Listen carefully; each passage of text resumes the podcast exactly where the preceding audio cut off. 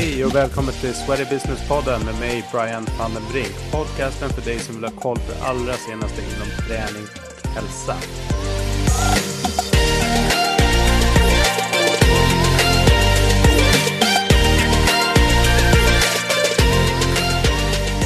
Då säger jag hej och välkommen till Sweaty Business-podden Christian Ask. Tack så mycket, tack så mycket. Hur är läget? Det är bra, det är bra, det är bra. Hur är det själv? Jo men det är bra. Eh, härligt att vara nere i Skåne. Jag brukar ju vara här. Frun är ju härifrån så att eh, precis. lite hemmastad. Ja. Men eh, känns väldigt kul att ha med dig i podden i och med att Ja. du inte är så synlig kanske för den svenska marknaden Ja. och sådär. Så att eh, jag tror det är många som är intresserade av att höra vad du Ja. har att säga. Ja, komma kul att med. vara här. Kanon, men du, en liten uppvärmning. Ja. Eh, ditt bästa köp? Ja, det måste nu vara aktierna i Fitness 24-7. Ja. Investering, köp, om man kan köra slash på dem. Yes. Du, eh, vad gör dig förbannad eller upprörd? Eh, när barn och kvinnor blir illa behandlade. Det gör mig förbannad. Om du skulle få obegränsat med pengar av mig till ett enda projekt eller ändamål, privat eller yrkesmässigt, vad skulle du göra? Då skulle jag skjuta in dem i vår egen stiftelse Esperanza. Som syftar till att utbilda barn och ungdomar. Esperanza, fattigdom. hopp. Hopp ja, precis. All right, spännande. Du, en app som du använder mycket. Eh, WhatsApp. Inte det svaret du vill ha, men det är den jag använder mest. Ja, den är väldigt bra. Jag har gått över mer och mer från mail till, till WhatsApp-grupper Ja. faktiskt. Eh, en, eh, så här, favoritträningsform? Alltså jag tränar rätt mycket olika typer faktiskt. Men eh, jag tränar väl mest styrketräning. Det är lättast när man reser och så. Men, eh, ja, men både det och så lite kampsport och eh, lite yoga. Och, ja, jag gör allt möjligt faktiskt. Spelar Tennis, padel, allt möjligt. Har du alltid gjort det? Alltid idrottat ganska mycket ja, sen jag var liten. Mm. Tyckte det var kul liksom. Men inte, inte varit jättebra på någonting utan alltid varit hyfsat okej på allting liksom. Lite mer så. Men lyckats väldigt bra ändå. Ja, tack, tack. Du, ehm, här gick det åt helsike. Ja, ja, eh, ja när gick det åt helsike riktigt ordentligt sådär. Eh, man skulle väl, eh, ja, jag har faktiskt ingen så jättebra faktiskt tyvärr inte. Jag får återkomma om den helt enkelt. Ja, absolut. Ditt eh, bästa tips för återhämtning? Att inte vara oroligt lagd. Den är ju svår att träna till sig till men eh, om man lyckas inte vara så orolig av sig och inte så, liksom, så rädd så eh, kan man nog sova rätt så bra. Kanske kommer med erfarenheten att man vet att det löser sig. Ja, nej precis. precis. Det kan nog hänga en del i det. Absolut. Du, det här behöver träningsbranschen tänka om kring. Och då tänker jag träningsbransch, gym, bransch. Ja, eh, ja men helheten tror jag liksom. Hur man ska kunna, nu kommer ju allting med online och så vidare också. Så helheten tror jag liksom. Hur man ska kunna, hur man ska kunna fånga upp potentiella medlemmar och få liksom hela ekosystemet. Just det. Du, eh, om vi tar ehm, Fitness 24-7 då specifikt. Du har ju 24-7 Group som består av en mängd olika bolag. Men jag tänker vi fokar på Fitness 24-7 Ja. som de flesta känner dig eh, Ja. kopplad till då. Ja. Vad, vad är det för någonting för den som inte har så bra peeling? Ja, men eh, som en hisspitch så Ja. skulle jag säga att eh, friskvårdens Ikea skulle jag säga att det är vad vi gör. Liksom eh, value for money för, den, för alla människor som vill träna helt enkelt. Det skulle jag säga att med, med enkel mening beskriver oss. Mm, jättebra beskrivning. Du, eh, vad fick du inspirationen till att starta hela konceptet? Ja, jag tränade ju eh, styrketräning på en sån här gammal klassisk styrkelyftarklubb eh, i Ängelholm där jag gick på gymnasiet. Och sen så bodde jag i USA ett antal år. När jag var hemma på sommarna så tränade jag där.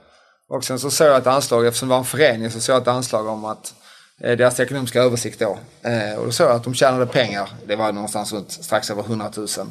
Så tänkte jag, och så tittade jag runt i lokalen och tänkte att om de tjänar 100 000 på det här så måste jag kunna göra detta bättre och tjäna mer pengar. Det var faktiskt inte svårare än så. Nej. Hur gick liksom till när du öppnade din första? För det är ju det är många... Alltså jag kan säga vi har ungefär två kategorier av huvudkategorier av lyssnare. Vi har dels etablerade gymägare som är Mm. Ja. igång och kanske ska växa. Och sen har vi rätt många PTs och liknande som Ja. tänker att de ska öppna sin första. Ja. Så jag tänker, hur, hur såg det steget ut? Ja, nej men jag var nog ganska, ganska, jag har alltid varit ganska orädd liksom. Så att jag tror jag hade, eller tror jag hade, jag hade 150 000. Så jag tog de, de pengarna, eller starta bolag, på den tiden måste man vara tvungen att ha 100 000.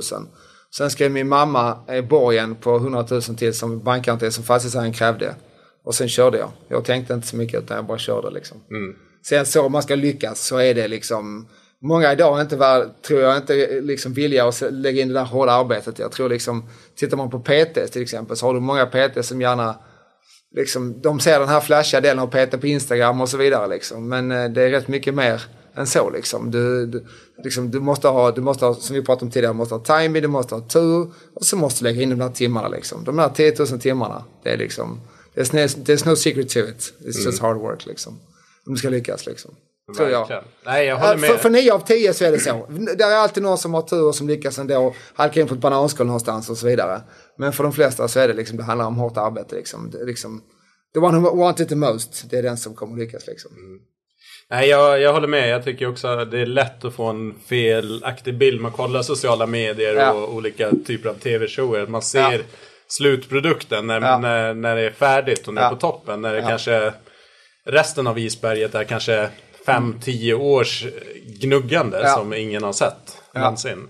Ja, tar vi min, eh, vår första Petter någonsin. Han jobbar som receptionist i Lund. Det var ett fjärde gym som vi öppnade. Då jobbade han som receptionist och så jobbade han så fick han lite PT-kunder genom förtroende för att han hjälpte dem som receptionist då, eller som site responsible som vi kallar det. Och sen så eh, jobbade han upp sig, sen blev han PT på heltid och sen fick han lite mer atleter. Och sen upp senare tid, de sista fem, sex åren har varit fystränare för Malmö Redhawks liksom och gjort det jättebra liksom. En erkänd Okej. fystränare. Ja. Så att eh, det börjar ju något, men jag menar det är en resa som har tagit honom 12, 13, 14 år kanske liksom. Superhäftigt. Mm. Du, vi fick en fråga på Instagram där Ja. eh, en eh, lyssnare tänkte att, eller ville att jag skulle fråga alla gästerna som kommer från kedjan att vilken är er position? Du sa eh, träningsbranschen Ikea liksom, Ja. men är det är priset det viktigaste för Ja. er? Liksom, vad, vad är positioneringen totalt Ja. sett? Ja, men totalt sett är value for money positioneringen. Och tittar du på vår kedja så är vi, vi har väldigt olika brandrenommé. Skulle jag säga liksom. Alltså brand awareness och även vilket branding vi är. I Sverige, Norge, Finland, Thailand, Colombia. Det är väldigt olika. Så att jag skulle säga att vår brandpositionering är olika i de olika länderna liksom. Och i Sverige skulle jag säga att där är vi definitivt nog eh, friskvårds Ikea. Tar du Finland är vi inte lika mycket friskvårds Ikea. Där är vi lite mer eh, upp en notch liksom. Och tar du eh, Thailand så tar vi betydligt bättre betalt än vad vi gör i Sverige till exempel. Vilket kanske man kan tänka sig att de har mindre pengar så varför tar ni mindre betalt där? Och det är helt enkelt för att det är det marknaden vill ha där. Så att vi anpassar oss, vårt pris efter marknaden så att säga. Men vår ingångs, ingångsvärdet är hela tiden value for money liksom. Spännande. Vi ska höra mer om den här internationella satsningen som jag tycker är grymt ehm, spännande. Vad, vad har varit mest utmanande i din resa med eh, Fitness 24-7-kedjan? Eh, ja. Ja, men det har varit olika utmaningar längs med vägen hela tiden. Alltså det är en sak att ta ett företag från, eh, från 0 till 50 miljoner eller från 0 till 100. Det är en resa. Sen ta ett företag från 100 miljoner till 500 miljoner. Det är en annan resa. Och ta det från 500 till en miljard. Det är nästa resa liksom. Och från en miljard och uppåt. Det är en annan resa. Det är helt olika resor i ledarskap och hur du hanterar personal, delegering och så vidare liksom. Så att alla de faserna har liksom varit olika utmaningar. Och det är också det som jag tycker är fantastiskt kul. Men Jag tänker en utmaning som entreprenörer kan vara, särskilt grundande entreprenörer, att just eh, hålla sig... Delegera. Kunna, ja, delegera och anpassa sin, Ja. sin ledarstil Ja. allt eftersom det växer. Det, är- Ja. det är lätt hänt kan jag tänka mig Ja. att man, man sitter där, har sin bebis Ja. eh, och inte riktigt ger utrymme till, till resten. Och Ja. då kanske inte växer så pass Ja, som, som ja nej, men det är helt rätt. Det är, och det är, den svåra, det är nog den svåraste utmaningen, eller en av de svåraste i alla fall skulle jag säga. Sen där gäller det ju liksom att man har, man har, dels att man har själv en egen förståelse för att man måste släppa vissa bitar, man måste låta andra människor ta beslut och växa. Det är en del av det. Och en annan del är nog också att de människorna som kommer in och jobbar för en, att de är förstående åt andra hållet också. Så att de förstår att det är ett familjeägt företag. Och att de är, jobbar inte på liksom ABB eller på Volvo eller någonting där det är tjänstemän som styr. Och då kommer det vara, då kommer de, de har en ägare av kött och blod som kanske ibland kommer lägga sig i detaljer. På gott ibland, på ont ibland. Men att de någonstans har en acceptans för det liksom. Och ser det positiva i det och inte bara ser det negativa i det liksom. Lika, likväl som för mig som grundare eller entreprenör eller någon annan.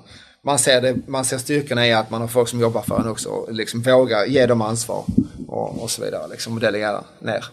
Och så vidare. så det, är en, det är en balansgång där från båda hållen skulle jag säga. Ja, den är spännande. Hur ofta får du bita dig själv i tungan nu? Bara, Ofta. aj, aj, varje aj, dag. det där hade inte jag gjort. Varje dag. Varje dag. Men du, eh, ni finns ju närvarande i, i Europa och så har ni eh, Thailand och Colombia. Ja. Eh, som för mig var väldigt förvånande för ett par år sedan eh, Mm. när ni tog det klivet till, till just de två. Och Ja. dessutom två olika kontinenter. Ja. Hur eh, kommer det sig? Alltså det kommer ni att se från början är, tror jag, det är ju dels, eh, det finns en marknadsanalys bakom och så, men tar man det liksom, hade det inte varit jag som var ägare så kanske det inte hade varit lika eh, logiskt liksom på det sättet. Men tittar man på mig, jag har alltid haft den här, någon sorts en äventyrsdröm. Jag menar jag har bott utomlands i sju år. Jag har bott i Brasilien, jag har bott i USA, jag har bott i Spanien, jag pratar spanska, jag pratar portugisiska flytande. Och så vidare. Så att jag tror att, och så, vet, man växte upp med James Bond, Indiana Jones, tycker att världen är lite stor, spännande. Så mitt, varför jag öppnar gym runt om i världen, jag har fått en fråga tidigare.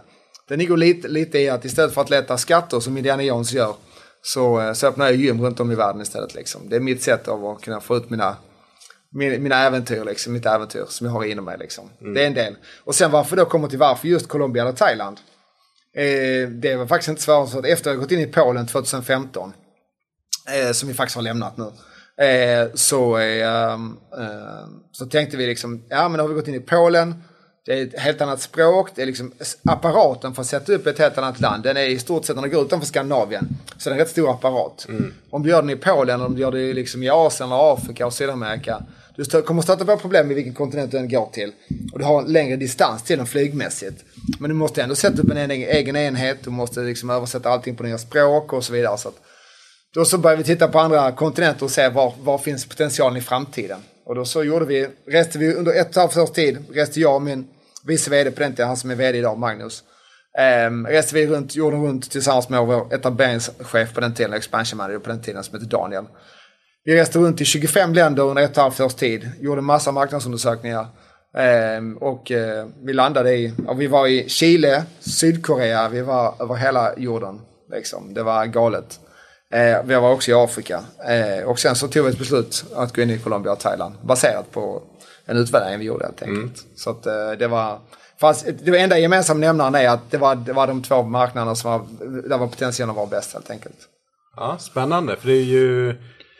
Kan inte riktigt komma på, jag tror inte att något svenskt eh, företag, träningsföretag har Mm. tagit sig ut utanför Europa på det sättet. Knappt utanför Norden. Ja. för Den sakens skull. Ja, ja men det kan ju stämma.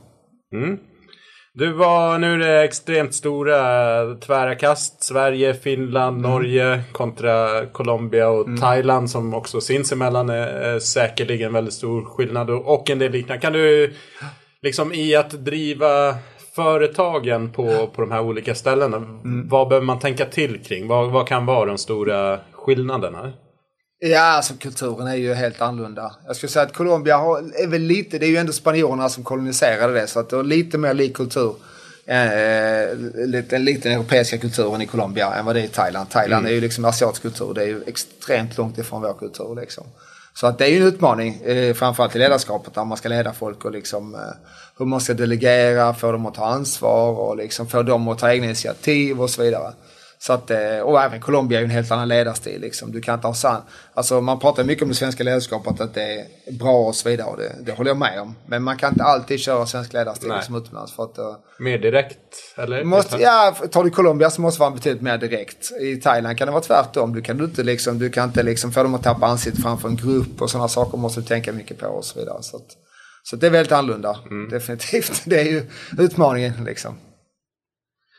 Ehm, och i den här liksom expansionen, är det några oväntade grejer som har dykt upp som ni, i liksom all marknadsanalys och liksom förarbete som bara okej, så kom den här saken in från helt oväntat håll. Ja, alltså man kan väl säga att när vi tog beslut på att gå in på vissa marknader så här var ju konkurrensen väldigt låg. Och sen så samtidigt som vi går in så bara kommer konkurrensen precis samtidigt så här liksom.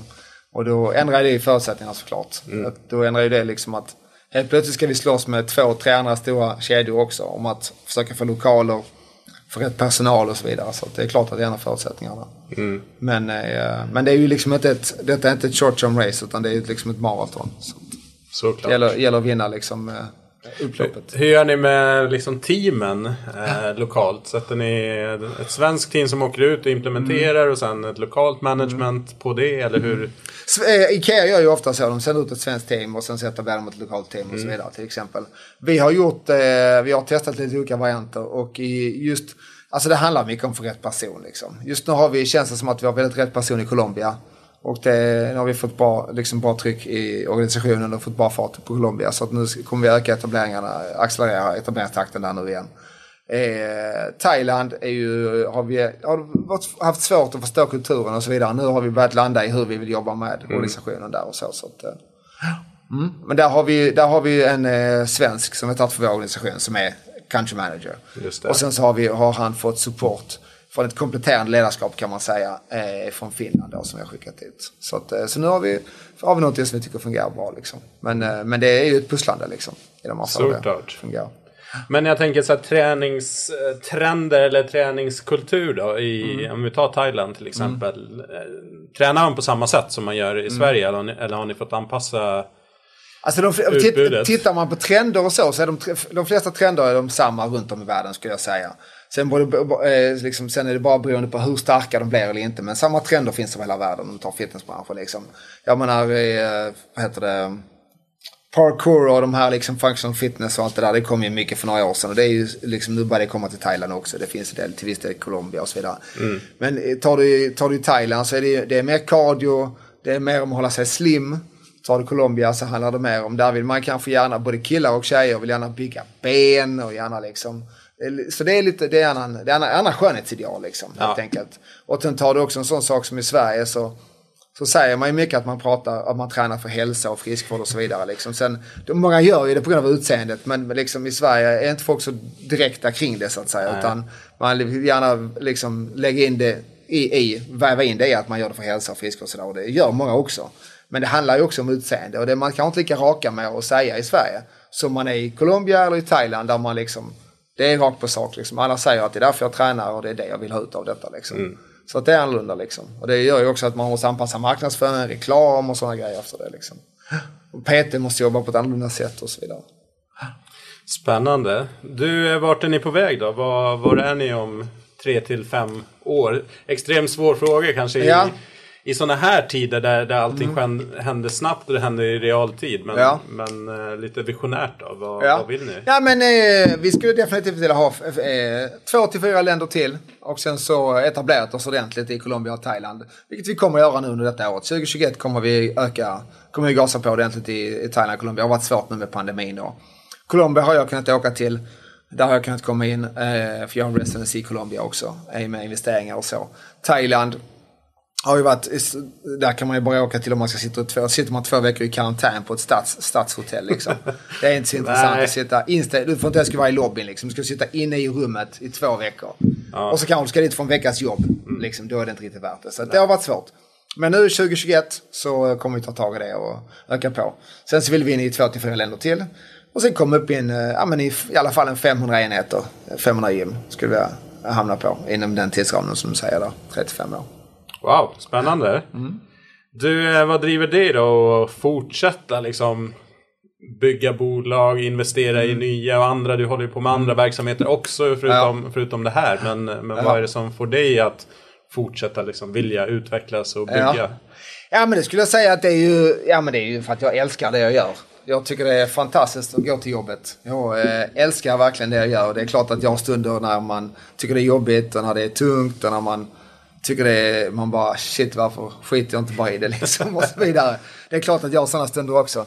Men eh, generellt sett så älskar jag det.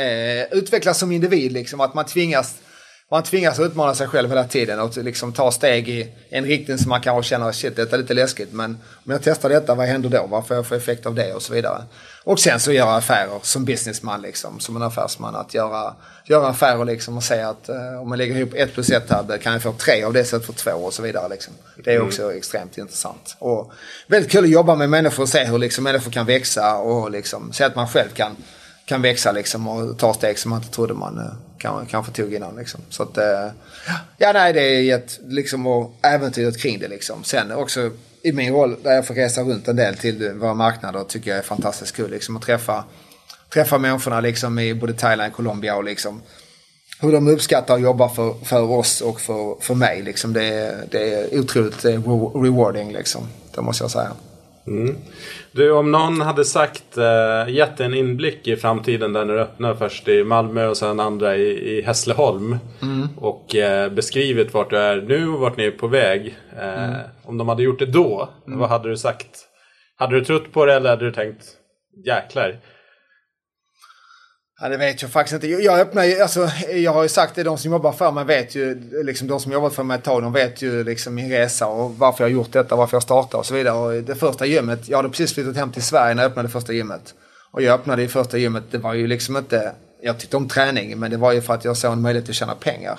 Och mitt liv har alltid varit, liksom, har alltid varit, sedan jag, jag började jobba när jag var väldigt ung, liksom, parallellt med studierna. Mm. Så det har alltid handlat om att, kan jag tjäna pengar på någonting, så har jag hittat en väg och sen har jag försökt tjäna pengar på det. Liksom. Och oftast har det alltid varit för att jag behövde använda pengarna till någonting. Och i detta fallet så startade jag detta gymmet för att jag ville, jag har precis flyttat hem till Sverige. Eh, och pluggade på eh, Ekonomiska högskolan här, EC, Ekonomicentrum på Lunds ja. universitet.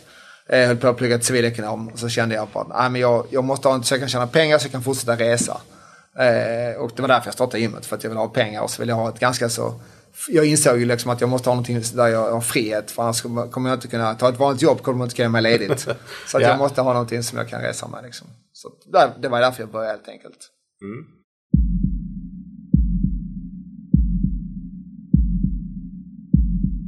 Du, eh, det här året då. Eh, som eh, ja, för många har varit en käftsmäll. Vissa, vi pratade mm. här innan, vissa har ju haft medvind mm. tack vare. Så att det, det, finns ju både möjligheter och hot i en sån här ja. läge. Men när, när insåg du att oj, det här kommer bli någonting som kommer påverka det, det vi gör här? När, när kände mm. du att det var på väg att, att bli någonting? Ja, nej men vi ins man insåg ganska snabbt att det var stort där. Eh, när de började stänga ner i Danmark och, och så vidare. Liksom. Och då så... Eh, gjorde vi lite olika scenarier här. Eh, liksom gjorde tre olika scenarier. Grönt, gult och rött. För hur verksamheten skulle gå. Och sen så agerade vi ut det utifrån det liksom.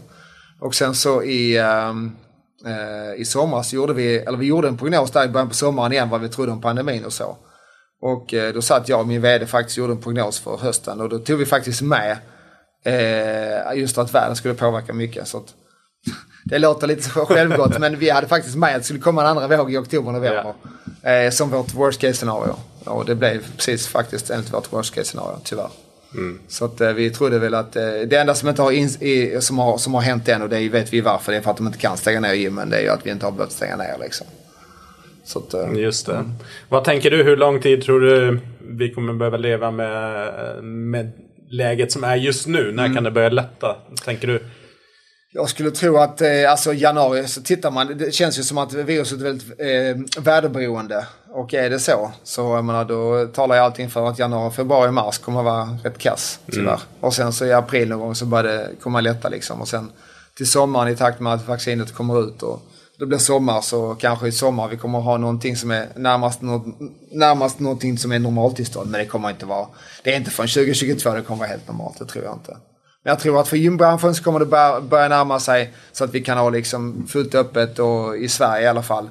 Ja men från och med sommaren skulle jag säga. Jag tror inte man behöver oroa sig jättemycket mer för det längre. Nej. Men jag tror det kommer dröja till, till sommaren innan det är helt över liksom för, för gymbranschen i Sverige. Men specifikt för Sverige då. Jag menar, tar vissa andra länder, tredje världen och, och så, så kommer det dröja längre antagligen. Absolut. Jag lyssnade på en podd med Martin Seibold på Lifefit Group som har okay. bland annat Barrys och... Ja, uh, han sa, nu i Tyskland och UK mm. som de, de har verksamhet i, ja. haft helt nedstängt vissa perioder. Men han pratade men Barrys, om... Rasmus de driver väl Barrys i Sverige och ja, så. Ja, exakt. De har ju kunnat köra på. Mm. Uh, men uh, då sa han att en månad nedstängning motsvarar vad han trodde då. ett års återhämtning för att komma tillbaka till, till den nivån. Ja. Eh, vad tänker du kring er business? När tror du att ni är tillbaks på on track? Ja, alltså eh, utan att gå in på för mycket nummer liksom, mm. eh, och siffror. För vi brukar vara ganska återhållsamma med det. Men, eh, men vi hade ju liksom en peak med medlemmar i februari innan pandemin. Och innan vi kommer tillbaka dit så skulle jag tro, beroende på hur många gym vi öppnar sättvis, för det snabbar ju på det i så fall.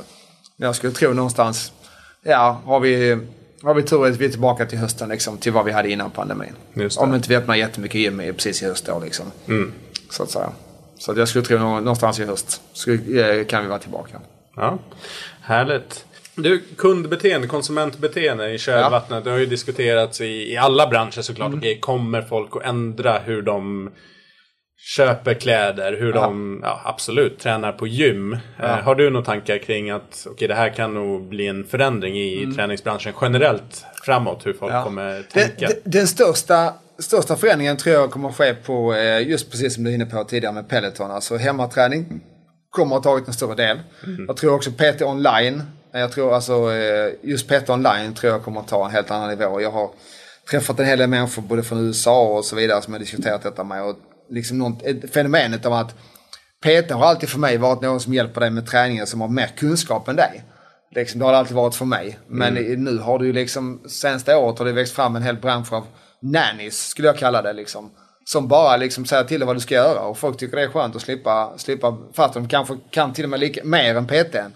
Eller lika mycket. Mm. Så vill de bara ha någon som säger till dem vad de göra och de är villiga att betala liksom 50 dollar i månaden för det. Vilket i min värld är helt bisarrt. Men eh, det är ju antagligen för att då, då, de ser det som att då blir träningen av. Liksom. Just det. Så att, och det är någonting som kommer komma mer och mer. Det är jag fullständigt mm. övertygad om. Men jag tror att man kommer komplettera det med ett gymnävenskap. I många fall. I vissa fall kommer man inte göra det. Liksom.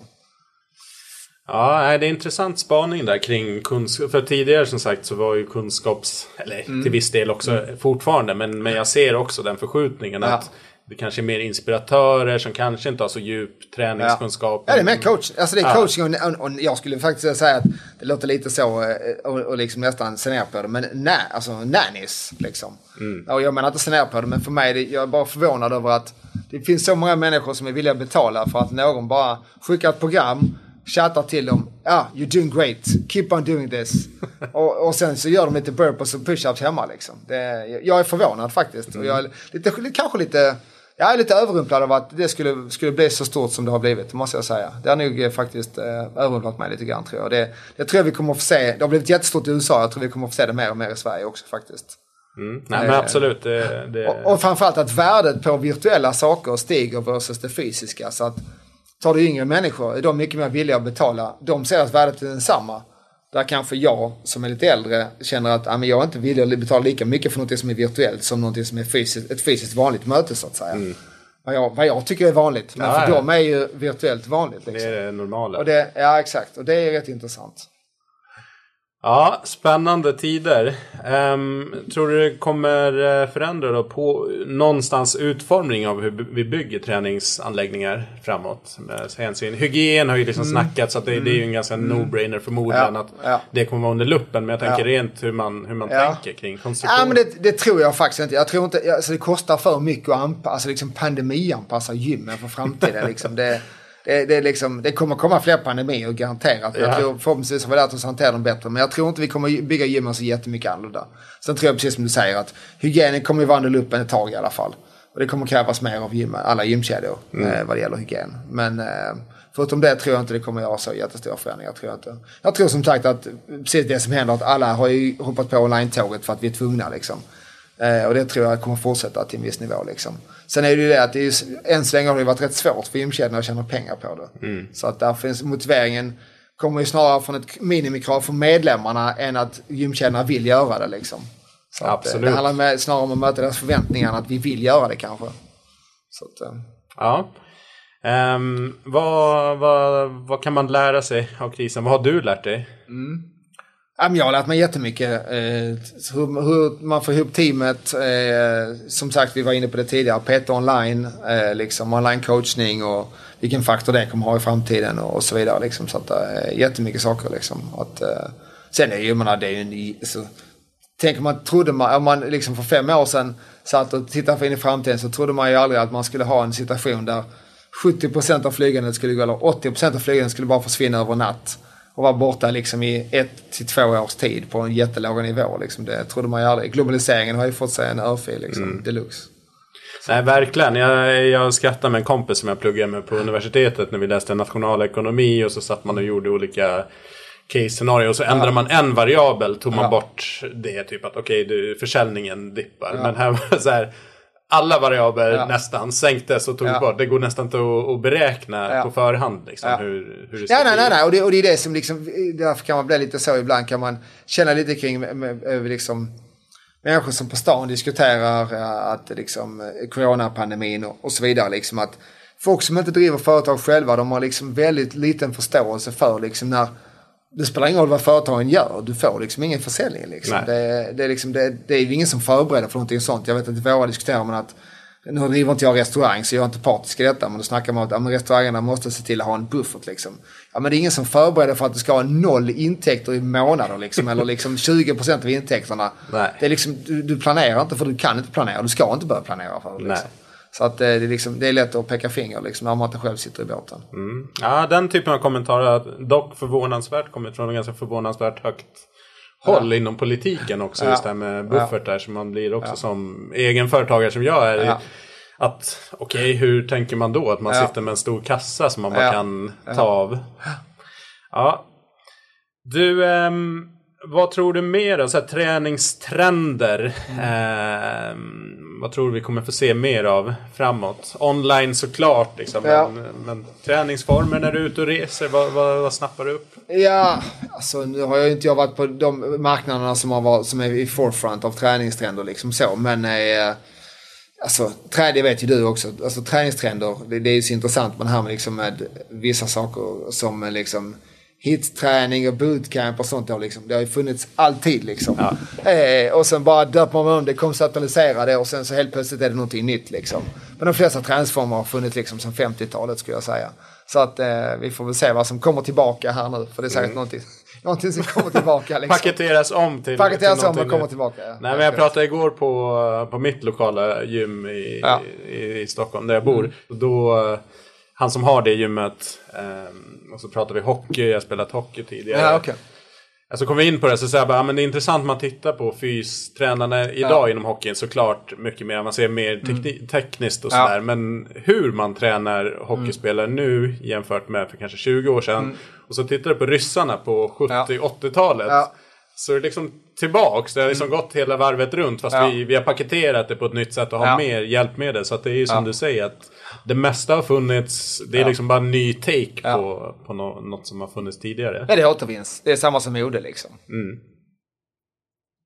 Alright, vad, vad tror du liksom att gymmen, om man kollar på dem specifikt, att de eventuellt kommer behöva tänka på framåt liksom? Som kommer vara en, en förväntan hos Mm. eh, kunderna. Ja men det har vi, vi har redan pratat lite om. Men alltså online, det kommer finnas förväntningar om att man erbjuder det. Liksom, Att man erbjuder det även efter pandemin. Det kommer finnas förväntan om det och de kommer förvänta sig att inte betala jättemycket extra för det tror jag. Eh, framförallt om du tar lite mer betalt som kedja redan. Ja. Eh, och, eh, så det är väl den största förändringen tror jag. Eh, som, som kommer att finnas kvar liksom. Som kommer komma efter. Ja, du är ju inne på det där, eh, jag har också lyssnat på lite olika poddar internationellt sett och där verkar någon slags konsensus att det kommer bli svårt att tjäna pengar som, Mm. som kedja generellt sett på, på en digital utan det är mer så här att möta upp kundens behov. Ja. Ehm, är det, vad tänker fitness, vad ni på Fitness 24-7 och digitalisering?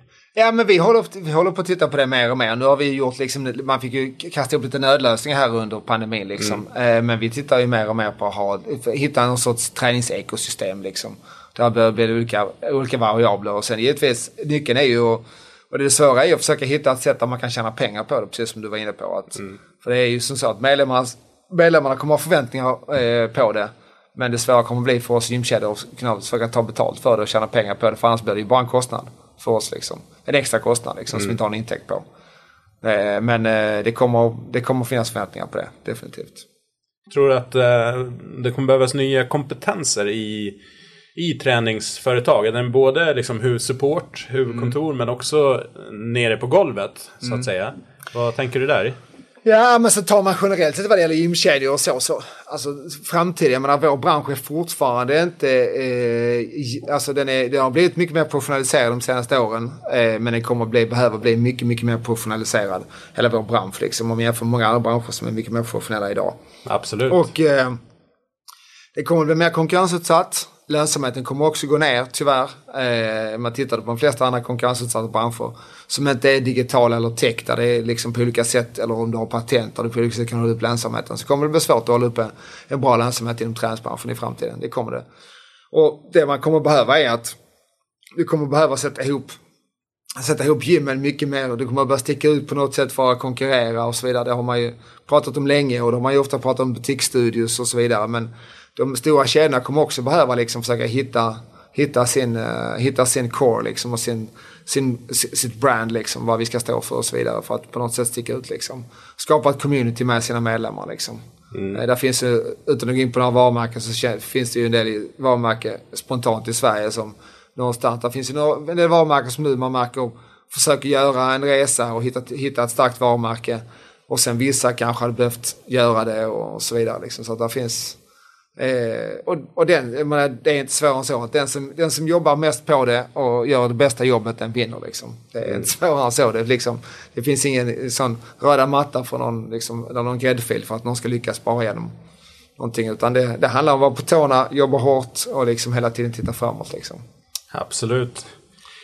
Var, eh, var hämtar du ny inspiration och idéer till eh, ja, affärsutveckling och liksom mm. nya koncept? Du reser en hel del har du ja, nämnt. Ja, ja. ja, men jag skulle nog säga att jag, jag, jag ser ju väldigt mycket saker. Jag, I och med att jag reser så mycket så ser jag mycket saker. Eh, jag är inte den som liksom lä, läser branschtidningar dagarna i ända liksom, utan jag försöker, jag är ganska så allmän i min eh, kunskapssökning skulle jag säga. Jag försöker plocka upp eh, kunskap och liksom se koncept och trender inom, inom alla branscher. Liksom. Mm. Och läser nu är ganska så allmänorienterad vad det gäller eh, business och, och, liksom, och, ja, och trendspaning och så skulle jag säga.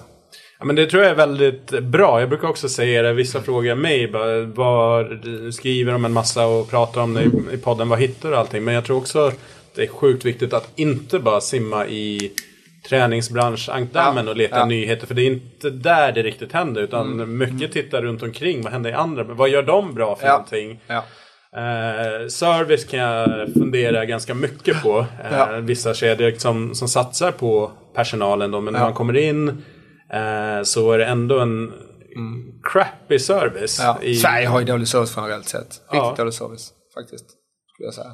Och det är märkligt. Jag tänker med digitaliseringen också ja. att okej, okay, något vi verkligen kan differentiera oss på det är ju den här mm. mänskliga interaktionen ja. och liksom verkligen ja. leverera en, mm. en, bra kundbemötande som är en starkare länk än, än någon på distans egentligen. Mm. Nej men det är en faktor som kommer att vara avgörande i framtiden. Hur mm. du lyckas med service och så vidare.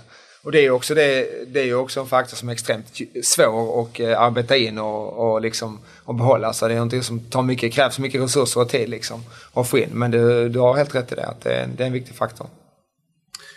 Härligt! Du, vi närmar oss redan slutet på den här podden. Eh, om man vill följa dig eh, i din vardag med mm. jobb eller Fitness 24-7, vad kan man göra det enklast?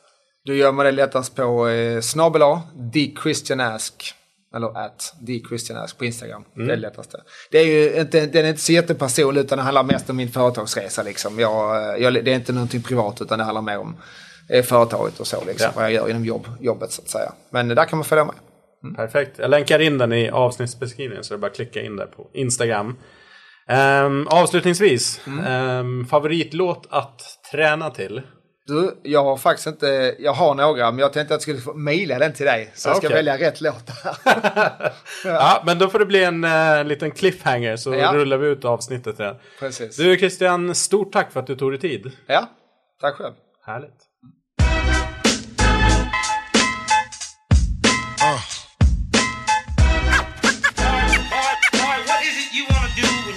Hey yo, I'm gonna be on TikTok. That's all my eyes can see. Victory is mine, yeah, surprisingly. I've been laying, waiting for your next mistake. I put in work and watch my status escalate. Now I'ma start collecting props, connecting plots, networking like a conference. Cause the nonsense is yet to stop. Jake, shake me down, haters wanna take me down, break me down, clap. All they heard was a sound. Yo, I scoped it out. I took your weak dream and choked it out. Your bitch don't really got no ass. She just poked it out on the D-Lo. I'm saying you versus me, yo. We can do this shit right here in front of your people. See, time is money, kid, and BS walks. And to me, it's funny, kid, when you meet heads talk. I see feds talk. They wanna dig up the dirt, son. Is it me they hawk? Cause I be putting in work, Gonna son. be on tit up That's all my eyes can see. Victory is mine. Yeah, surprisingly, I've been laying, waiting for your next mistake. I put in work and watch my status escalate. Cornballs get stonewalled. Tack för att du lyssnar på podden. Vi skulle bli jätteglada ifall du hade lust att lägga en liten rating på iTunes så att vi kan nå ut till fler. Häng gärna med i vardagen på sociala medier, Facebook, Instagram, LinkedIn, Sweaty Business. Alternativt på vår hemsida sweatybusiness.se. Har du några frågor, tips, funderingar, förslag på gäster? Maila jättegärna oss på info at sweatybusiness.se.